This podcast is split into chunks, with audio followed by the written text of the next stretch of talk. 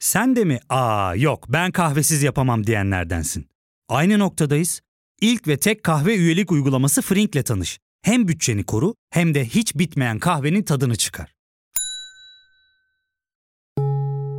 Yakınlarından terapinin onlara ne kadar iyi geldiğini dinlesen de kendin için bir şeylere başlamak zor geliyor olabilir. Ya da sevdiklerine yardım etmeye istekliyken kendi ihtiyaçlarını görebilmek.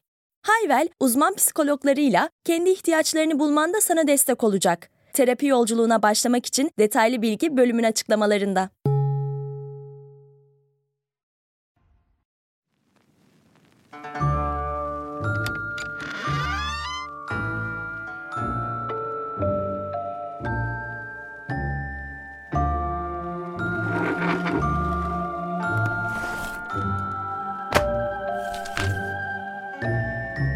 Ben Sezgi Aksu.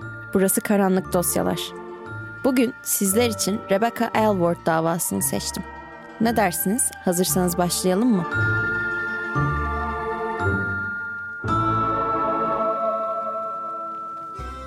Rebecca 28 Şubat 1995'te Galler'in Maestek kasabasında doğdu.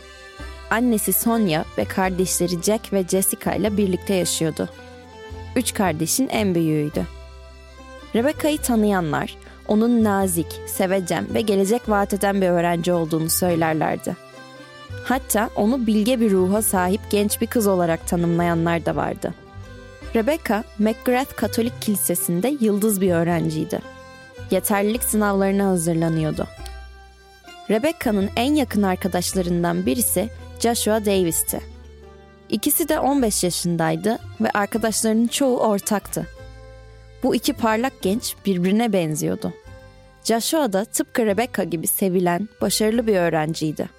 Okuldan sonra sık sık ders çalışmak için olan buluşmalar tatlı arkadaşlıklarını zamanla romantik bir ilişkiye dönüştürmeye başlamıştı. Selam güzellik. Selam. Ee, sana bir süredir aklımdaki bir şey sormak istiyorum. Dinliyorum. Ee, şey, Ne?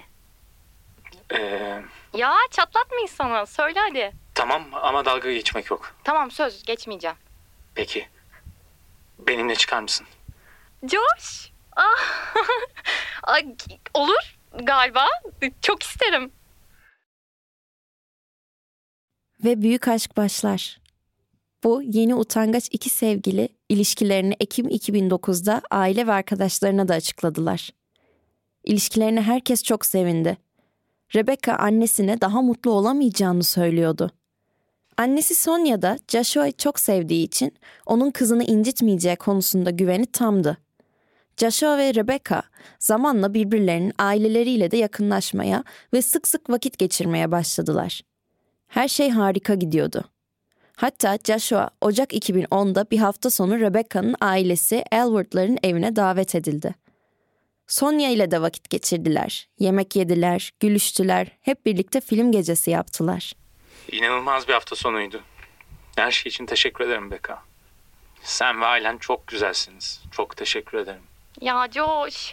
Beni ağlatacaksın. Asıl ben çok teşekkür ederim geldiğin için. Seni çok seviyorum. Ancak ilginç bir şekilde birkaç gün sonra Joshua Rebecca'ya ondan ayrılmak istediğini söyledi. Bu beklenmedik ayrılık Rebecca'nın kalbini çok kırdı. Joshua onun ilk sevgilisiydi ve ona çok değer veriyordu. Ancak Joshua bu birkaç günde ne olduysa ayrıldıktan sonra sevimli bir sevgiliden korkunç bir eski sevgiliye dönüşmüştü. Joshua okulda Rebecca hakkında dedikodular yaymaya başladı. Herkesin ondan nefret etmesini istiyor gibiydi. Oha duydunuz mu Rebecca hamileymiş. Mu? Duydun mu? Rebecca Aman babam oluyorsun lan. Ya salak salak konuşmayın. Benimle ilgisi yok durumun. Ha siktir. Siktir aldat, aldatmış mı? Ne salak bir de hamile kalmış. Kaşar, kaşarın önünde gideni. Aynen öyle kanka. Aynen öyle. Bu sırada Rebecca ne yapıyordu? O sadece bir kalp kırıklığıyla uğraşmakla kalmıyordu. Aynı zamanda sevdiği ve güvendiği birinin ona ihanetiyle de mücadele ediyordu. Annesi ise ona sakince "Tamam güzelim, geçecek bunlar." diyordu. Rebecca tüm kalbiyle bu kötü günlerin geçmesini bekliyordu. Her cumartesi Joshua ve arkadaşları mahalle yakınlarındaki bir kafeye gider ve kahvaltı ederlerdi. Sen geçen gün nasıl atıldın lan sınıftan? Dönem sonunda göreceksin oğlum sen. Neyi sen dönem göreceğim, sonunda neyi göreceksin. göreceğim lan? Ben Göreceksin. takımdayım oğlum, ö, sen düşün. Takımdaymış. Ta- al bunu göreceksin Ya kanka. boş Al. konuşmayın abi ya. Birileri yine tersinden uyanmış belli. Nefret ediyorum ondan. Kimden bahsediyorsun abi sen? Rebecca kaşarından. Oo, abi bırak şu kızı artık ya. Of. Ha sana ne yavşak? Sorduk mu sana? Hey hey hey şş. Tamam sakin olalım. Yani bir kız için kavga etmeye gerek yok şurada. Ona ne yapacağımı biliyorum. ne yapacak mısın abi? Bir süredir düşünüyorum. Anladık kanka sen bir süredir düşünüyorsun da. Yani keşke daha fazla düşünseydin. Şaka yaptığımı mı düşünüyorsunuz? ya düşünmüyoruz yani. Bizce sen şakasın abi. dur dur dur dur. dur. Merak ettim ne yapacakmış? Önemli değil. Dalga geçebilirsiniz. Ama ben düşündüm. Yüzme bilmiyor. Onu köprüye götürüp aşağı iteceğim. Sonra ben de suya atlayacağım. Diyeceğim ki kurtaramadım. sen bir suç dehasın dostum. Kesinlikle. Joshua'nın düşündükleri burada bitmiyordu. Hatta başka bir yolu daha vardı. Babaannesinin evindeki bazı şifalı otlar nasıl kullanıldığına göre zehirli olabilirdi. Tesadüf müdür bilinmez, 2010 yılında Rebecca bilinmeyen bir rahatsızlıktan dolayı hastaneye kaldırıldı. Ani bayılmalar ve şiddetli mide ağrılarıyla boğuşuyordu. Doktorlar ne olduğunu bulmaya çalışıyor ama bulamıyorlardı. Rebecca bu süreçte defalarca hastaneye kaldırıldı. Rebecca hastanedeyken birkaç sınıf arkadaşı onu ziyarete geldi.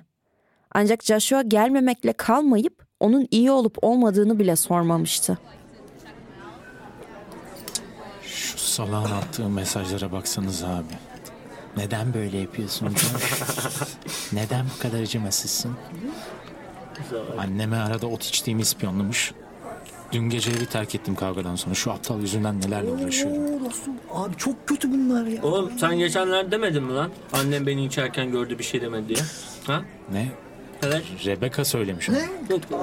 Abi bu kız bela oldu sana resmen. Of. Aynen öyle. Ben de buna bir son vermek istiyorum. Başladık yine. Kriminal Dea Joshua.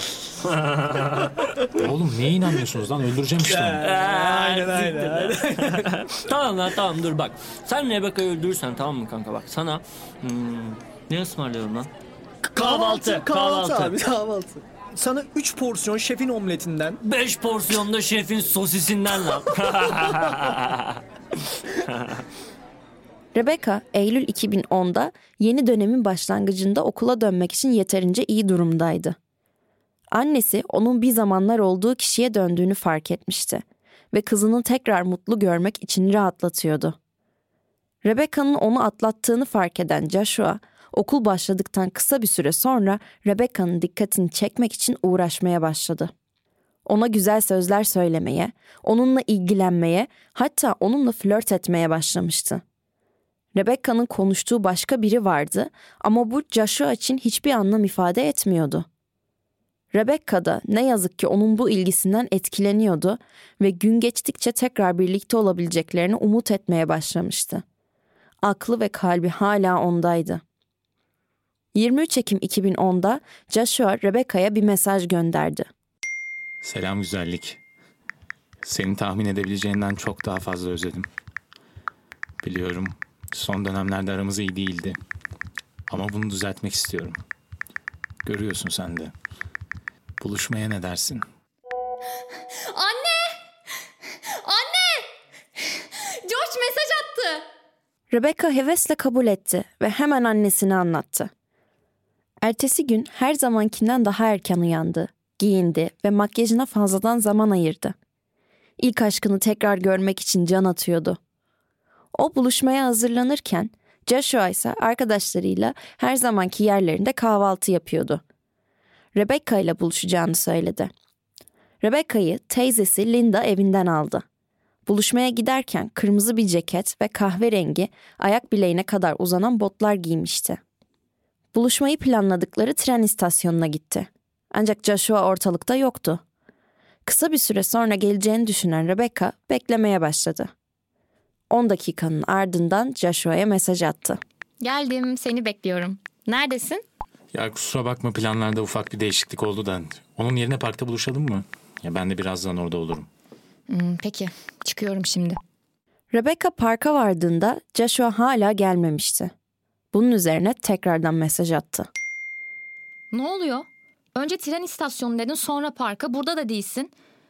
Doğruyu söyle bana yine şaka yapmaya mı çalışıyorsun? Hayır hayır yani gerçekten kötü bir amacım yok. Yani gelemedim oraya bir türlü. Köye doğru gelsem ben oradayım zaten. Orada buluşur konuşuruz. Biraz yürürüz. Rebecca annesini aradı ve onunla konuşarak yola koyuldu. Benimle dalga mı geçiyor anlamıyorum. Şimdi de köye geldim ama burada da yok. Öf! Tamam canım sakin ol. O gelene kadar benimle konuşmaya devam et. Ah, gördüm şimdi birini o galiba. Emin misin? Eminim eminim buraya doğru geliyor.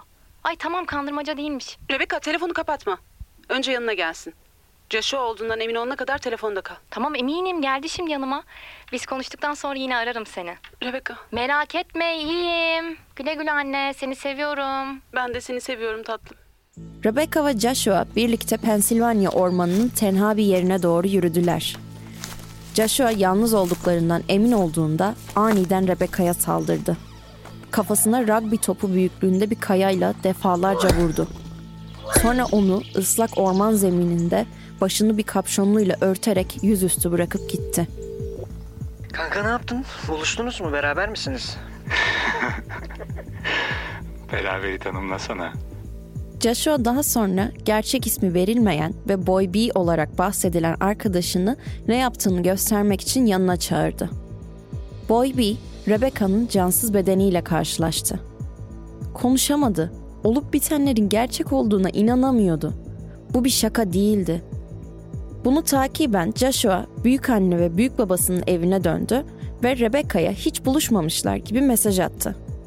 Hatta Facebook'ta arkadaşlarla takıldığını yazdığı bir gönderi paylaştı. Daha sonra ailesiyle birlikte oturup çayını yudumlayarak bir film izledi. Bana bir kahvaltı borcunuz var. Ne? As- C- cidden, cidden yaptın mı abi bunu? Nasıl yani? Oha lol biz mi ödeyeceğiz şimdi kahvaltı parasını? Ay, ay, bir detay istiyorum, detay istiyorum. Seni sadist pislik. Ya fark ettin mi? Biz en çok kahveye para harcıyoruz. Yok abi, bundan sonra günde bir. Aa, sen Frink kullanmıyor musun? Nasıl yani? Yani kahvenden kısmına gerek yok. Frink'e üye olursan aylık sadece 1200 TL'ye istediğin çeşit kahveyi istediğin kadar içebilirsin. Günlük 40 TL'ye sınırsız kahve mi yani? Çok iyiymiş. Aynen. Hatta şu anda 200 TL'lik bir indirim kodu da var. E hadi hemen indirip üye ol da bu fırsatı kaçırma. Terapiye başlamak, içinden çıkamadığın döngüleri kırmak, bazı yanlış bulduğun kararlarını değiştirmek ve kendinle beraber daha huzurlu bir yaşam inşa etmek için atabileceğin en değerli adımlardan biri. Hayvel ile yoğun yaşam tempona uyum sağlayarak online terapi seanslarını takvimine göre ayarlayabilirsin. Bini aşkın uzmandan sana en uygun terapisti seçebilir, podb10 koduyla indirimden yararlanabilirsin. Detaylı bilgi açıklamalardaki bağlantıda. Bütün bunlar yaşandığı sırada Rebecca'nın teyzesi Linda ondan haber bekliyordu. Yeğenini alıp eve bırakmaya söz vermişti. Rebecca aramalarına cevap vermeyince Sonya'yı arayıp Rebecca'dan bir türlü haber alamadığını ve endişelenmeye başladığını söyledi. Ailesi o anda Rebecca'nın neredeyse öğleden beri ne görüldüğünü ne de kendisinden bir haber alındığını fark etti. Bu olağan dışıydı. Çünkü Rebecca sürekli telefonda olurdu. Sonya kızının arkadaşlarını aramaya başladı. Onlar da hiç haber almamışlardı. Bunun ardından Sonya hemen Rebecca'nın en son birlikte görüldüğü kişiye, Joshua'ya gitti ve kızı hakkında bilgi almak için büyük anne ve büyük babasının evinden Joshua'yı çağırdı.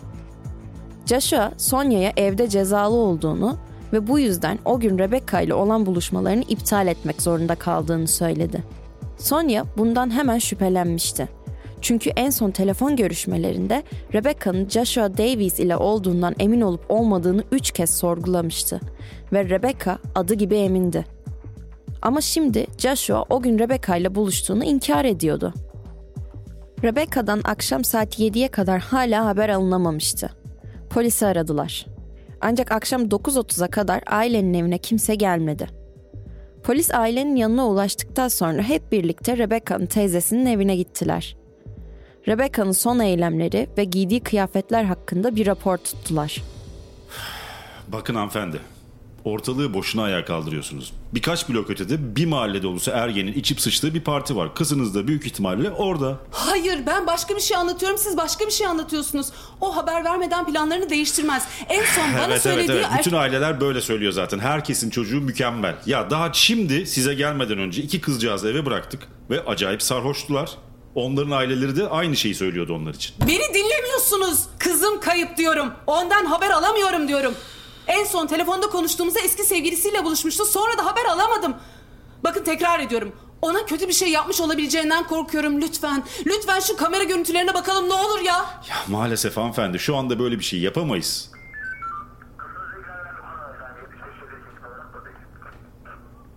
Bakın birkaç sarhoş ergen ihbarı daha geldi. Eminim kızınız güvenli ve sarhoş bir şekilde evine dönecek. Bakın, Rebecca eskiden sık sık bayılırdı. Hastanede kaldı geçen bir süre. Belki hastalığıyla ilgili bir şey olmuştur. Ayrıca 24 saattir kayıp bile değil ya. Ne telefonunu izleyebiliriz ne de bize bir helikopter gönderirler. Hadi George gidelim. İnanamıyorum size. Bari 40 yılın başında bir işe yarasanız. Linda, ara herkesi. Kızımı bulacağız. Rebecca'nın ailesi onu gören veya onunla konuşan herkesin kendileriyle iletişime geçmesini rica ediyordu. O sırada Joshua Facebook'ta bir arkadaşına annesi için üzülüyorum diye mesaj attı. Ve ardından Rebecca'ya mesaj atarak hepimiz senin için endişeleniyoruz dedi. Ertesi gün arama genişletildi ve büyük bir grup Abercrombie'ye seyahat etmek için toplandı. Burada sokaklarda yürüyecekler ve yoldan geçenlere Rebecca'yı görüp görmediklerini soracaklardı. Linda da yeğenine sesli mesajlar bırakıyordu. Beck, artık biriyle iletişime geçmelisin. Polisler davaya bakıyor şu an. Sarhoş olman sorun değil, benim evime gelebilirsin. Kimse kızmayacak sana. Rebecca'nın telefonu ise bir yerden sonra çalmak yerine doğrudan sesli mesaja gitmeye başladı. Her neredeyse telefonunun şarjı bitmişti. O sırada artık suçluluk duygusuyla baş edemeyen Boy B gördüklerini ailesine anlattı. Ailesi derhal polisi aradı ve Boy B onları Rebecca'nın cesedine götürüp bildiği her şeyi itiraf etti. Sonya'ya daha sonra kızının cesedinin bulunduğunu açıkladılar. Bir aile irtibat görevlisi ailenin evine geldiğinde tek söyleyebildiği üzgünüm oldu. İşteki ilk günüydü ve ilk sorumluluklarından biri bu trajik haberi vermek olmuştu. Sonya kızının cesedini teşhis etmek için polisle birlikte morga gitti. Ancak giydikleriyle ilgili onlara verdiği tarif nedeniyle herkes cesedin Rebecca olduğunu zaten biliyordu. Polis Joshua ve Boy B'yi Rebecca Elwood'u öldürme şüphesiyle gözaltına aldı ve sorguladı. Hmm, demek öyle. Diyorsun ki Rebecca ile ormanda biraz yalnız vakit geçirdikten sonra arkadaşını çağırdın. Evet. Ona şaka yapmak için. Evet. Arkadaşın geldiğinde Rebecca hala hayattaydı. Hatta o kadar hayattaydı ki Rebecca ve sen gülüşüyordunuz.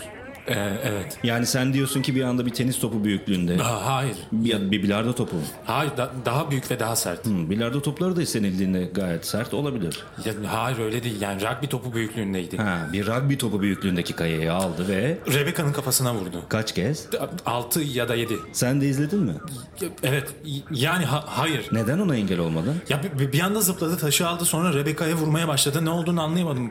5-6 kez vurdu. iki eliyle tutuyordu Ha, taşı. bir şey söylemek o kadar zordu gerçekten. Öyle mi? Bir tepki vermek, dikkatini dağıtmak, arkasından atlamak, ne bileyim en basitinden küfretmek mesela. Hiçbir aklına gelmedi mi? Her şey çok hızlı oldu. Hayır o kadar da hızlı değil aslında. İlk darbeden sonra Rebecca'nın çığlık atmaya çalıştığını ama sesi çıkmadığını söylemiştin. Sadece küçük bir ses ve... Ya hayır bak ya böyle bir şey gördüğünde insan ne yapması gerektiğini bilmeyebilir. Yani anında tepki veremeyebilirsin. Yani bir planın yoktur. Bir- Biri eline taşı alır taşı vuruyorsa bu kişi en yakın arkadaşınsa mesela bir şey yapmayabilirsin yani. Nasıl bir hareket planına ihtiyacın vardı ki? Belli ki Rebecca tam ölü değildi çünkü çığlık atmaya çalışıyordu ama sen dur yapma diyemedin öyle mi? Ne olacağını düşündün? Biri senin kafana vursa nasıl yardım isterdin? Ya hayır dedim dur dedim. Ha kendi kendine yani. Ha anladım. Bu da yapabileceğinin en iyisiydi zaten. Peki bu cevabını da buraya açık bırakıyorum. Şu mesajına gelelim. Boy bir sana ne yapıyorsun kanka Rebecca ile mi berabersin diye yazıyor. Sen de beraberi tanımlasana diyorsun. Ben Böyle bir mesaj göndermedim kimseye. Benim anladığım evet Rebecca ileyim ama şu an kendisi ölü. O yüzden şu an sadece beraber diyerek kelime şakası yapmak istiyorum. Çünkü kelime oyunlarını seviyorum. Bu mudur? Hayır ya ben sadece konuşurum. Hı hı, buna da hayır. O zaman sen masum çocuk arkadaşlarını iyi seçememişsin. Ama son bir soru. Bu mesaj sence de uydurmak için biraz spesifik değil mi? Hı? Ancak polis bu iddialara inanmıyordu. Ellerinde Joshua ve Rebecca arasındaki iletişimin kayıtları vardı. Ve Rebecca telefonu kapatmadan önce Joshua ile olduğunu üç kez annesine doğrulamıştı. Joshua'nın geçmişte de şüpheli davranışları olmuştu. Mesela Rebecca'nın evinde kaldığı hafta sonunda Rebecca'nın kız kardeşinin boğazına bir bıçak dayamıştı. Ardından şaka yaptığını söyleyerek gülmeye başlasa da bu olay kızın aklından hiç çıkmamıştı. 26 Ekim Salı günü Joshua Davies'in Rebecca'yı öldürmekle suçlandığı duyuruldu. Boy B serbest bırakıldı ve başka bir suçlamayla karşı karşıya kalmadı. Bu toplumda bir tepkiye yol açtı. Çünkü ne o ne de Joshua'nın bedava kahvaltı bahsine girdiği hiçbir arkadaşı ceza almayacaktı. Rebecca'nın ailesi Joshua'nın suçları duyurulduğunda bir açıklama yaptı. Becca olarak da bilinen Rebecca tüm ailesi tarafından çok sevilirdi. Akrabaları, amcaları ve kuzenleri dahil herkes ona hayrandı. Onu çok özleyeceğiz. Neşeli bir genç kızdı. Kişiliği dışa dönük ve cıvıl cıvıldı. Küçük erkek kardeşi ve kız kardeşi ona hayrandı. Onu adeta anneleri gibi görürlerdi. Ölümü onları da sonsuz bir şoka mahkum etti. Rebecca teyzesiyle alışverişe gitmeyi ve yeni kıyafetler almayı çok severdi arkadaşlarıyla dışarı çıkmaktan keyif alırdı. Geniş bir arkadaş çevresi vardı ve tanıştığı herkes tarafından çok sevilirdi. Ölümü tüm ailemizi paramparça etti. Bir aile olarak hepimiz onun zamansız ölümüyle harap olduk ve özel olarak yaz tutmak için yalnız bırakılmak istiyoruz. Asla başka bir Becca olmayacak. Rebecca'nın cenaze töreni 18 Kasım 2010'da gerçekleşti. Cenazesi çok kalabalıktı. Rebecca'nın anısına aile kiliseye güller yerleştirdi. Onun için etrafa küçük yazılar yazıp bıraktılar. Kardeşi Jessica, huzur içinde yat meleğim. Umarım seni yakında görürüm. Seni çok seviyorum yazdı. Joshua Davies'in davası ise Temmuz 2011'de Swansea Crown Court'ta başladı. Joshua 4 haftalık duruşma sırasında cinayete karıştığını reddetti ve suçsuz olduğunu iddia etti. Bu şekilde Sonya'yı kızının ölümünün korkunç detaylarını mahkeme salonunda bir kez daha dinlemeye zorladı. Sonya bir açıklamada Joshua'yı saf kötülük olarak nitelendirdi ve mahkemeyi eylemlerinden dolayı onu ömür boyu hapse mahkum etmeye çağırdı. Joshua, Eylül 2011'de Rebecca Elward'ı kasten öldürmekten 14 yıl hapis cezasına çarptırıldı. Bu 29 yaşında serbest kalacağı anlamına geliyordu. Sonia, Joshua'nın hapisten çıkınca tekrar birini öldüreceğinden hiç şüphesi olmadığını söyledi ve onu parmaklıklar ardında tutmak için çok çaba sarf etti. Joshua 2018'de tekrar manşetlere çıktı. Şartlı tahliye memurunu aramış ve nihayetinde suçunu itiraf etmeye karar vermişti. Onlara Rebecca'yı tek başına yardım almadan öldürdüğünü anlattı. Bu yaptığı hapisten bir an önce serbest bırakılmak için itirafta bulunmaktan başka bir şey değildi. Sonya da farkındaydı ve içini rahatlatmamıştı bu haber. Sonya, Joshua'ya olan nefretinden hem internette hem de medyada özgürce bahsetti. Hatta onun idam cezasına çarptırılması çağrısında bulundu. Kızının kendisine söylediği son sözleri andığı ve ölümünü anlattığı bir kitap da yazdı ve adını Güle Güle Anne, Seni Seviyorum koydu. Joshua Davis hala hapiste. Rebecca Elward gerçek aşkı olduğunu düşündüğü şeyin peşinde acımasızca öldürülmüşken katili ise oyun konsollarına ve sosyal medyaya erişimi olan bir hapiste yaşamını sürdürüyor. Üç sene sonra serbest kalabilir.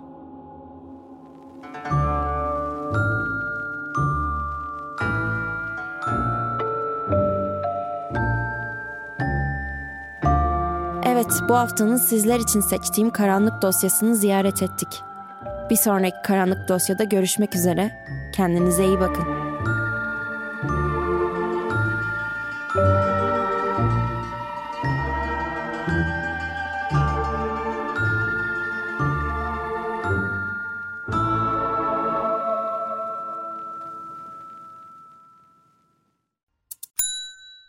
İlk ve tek kahve üyelik uygulaması Frink, 46 ildeki 500'den fazla noktada seni bekliyor. Açıklamadaki kodu girerek sana özel 200 TL'lik indirimden faydalanmayı unutma. Hadi sen de Frink üyeliğini başlat, kahven hiç bitmesin.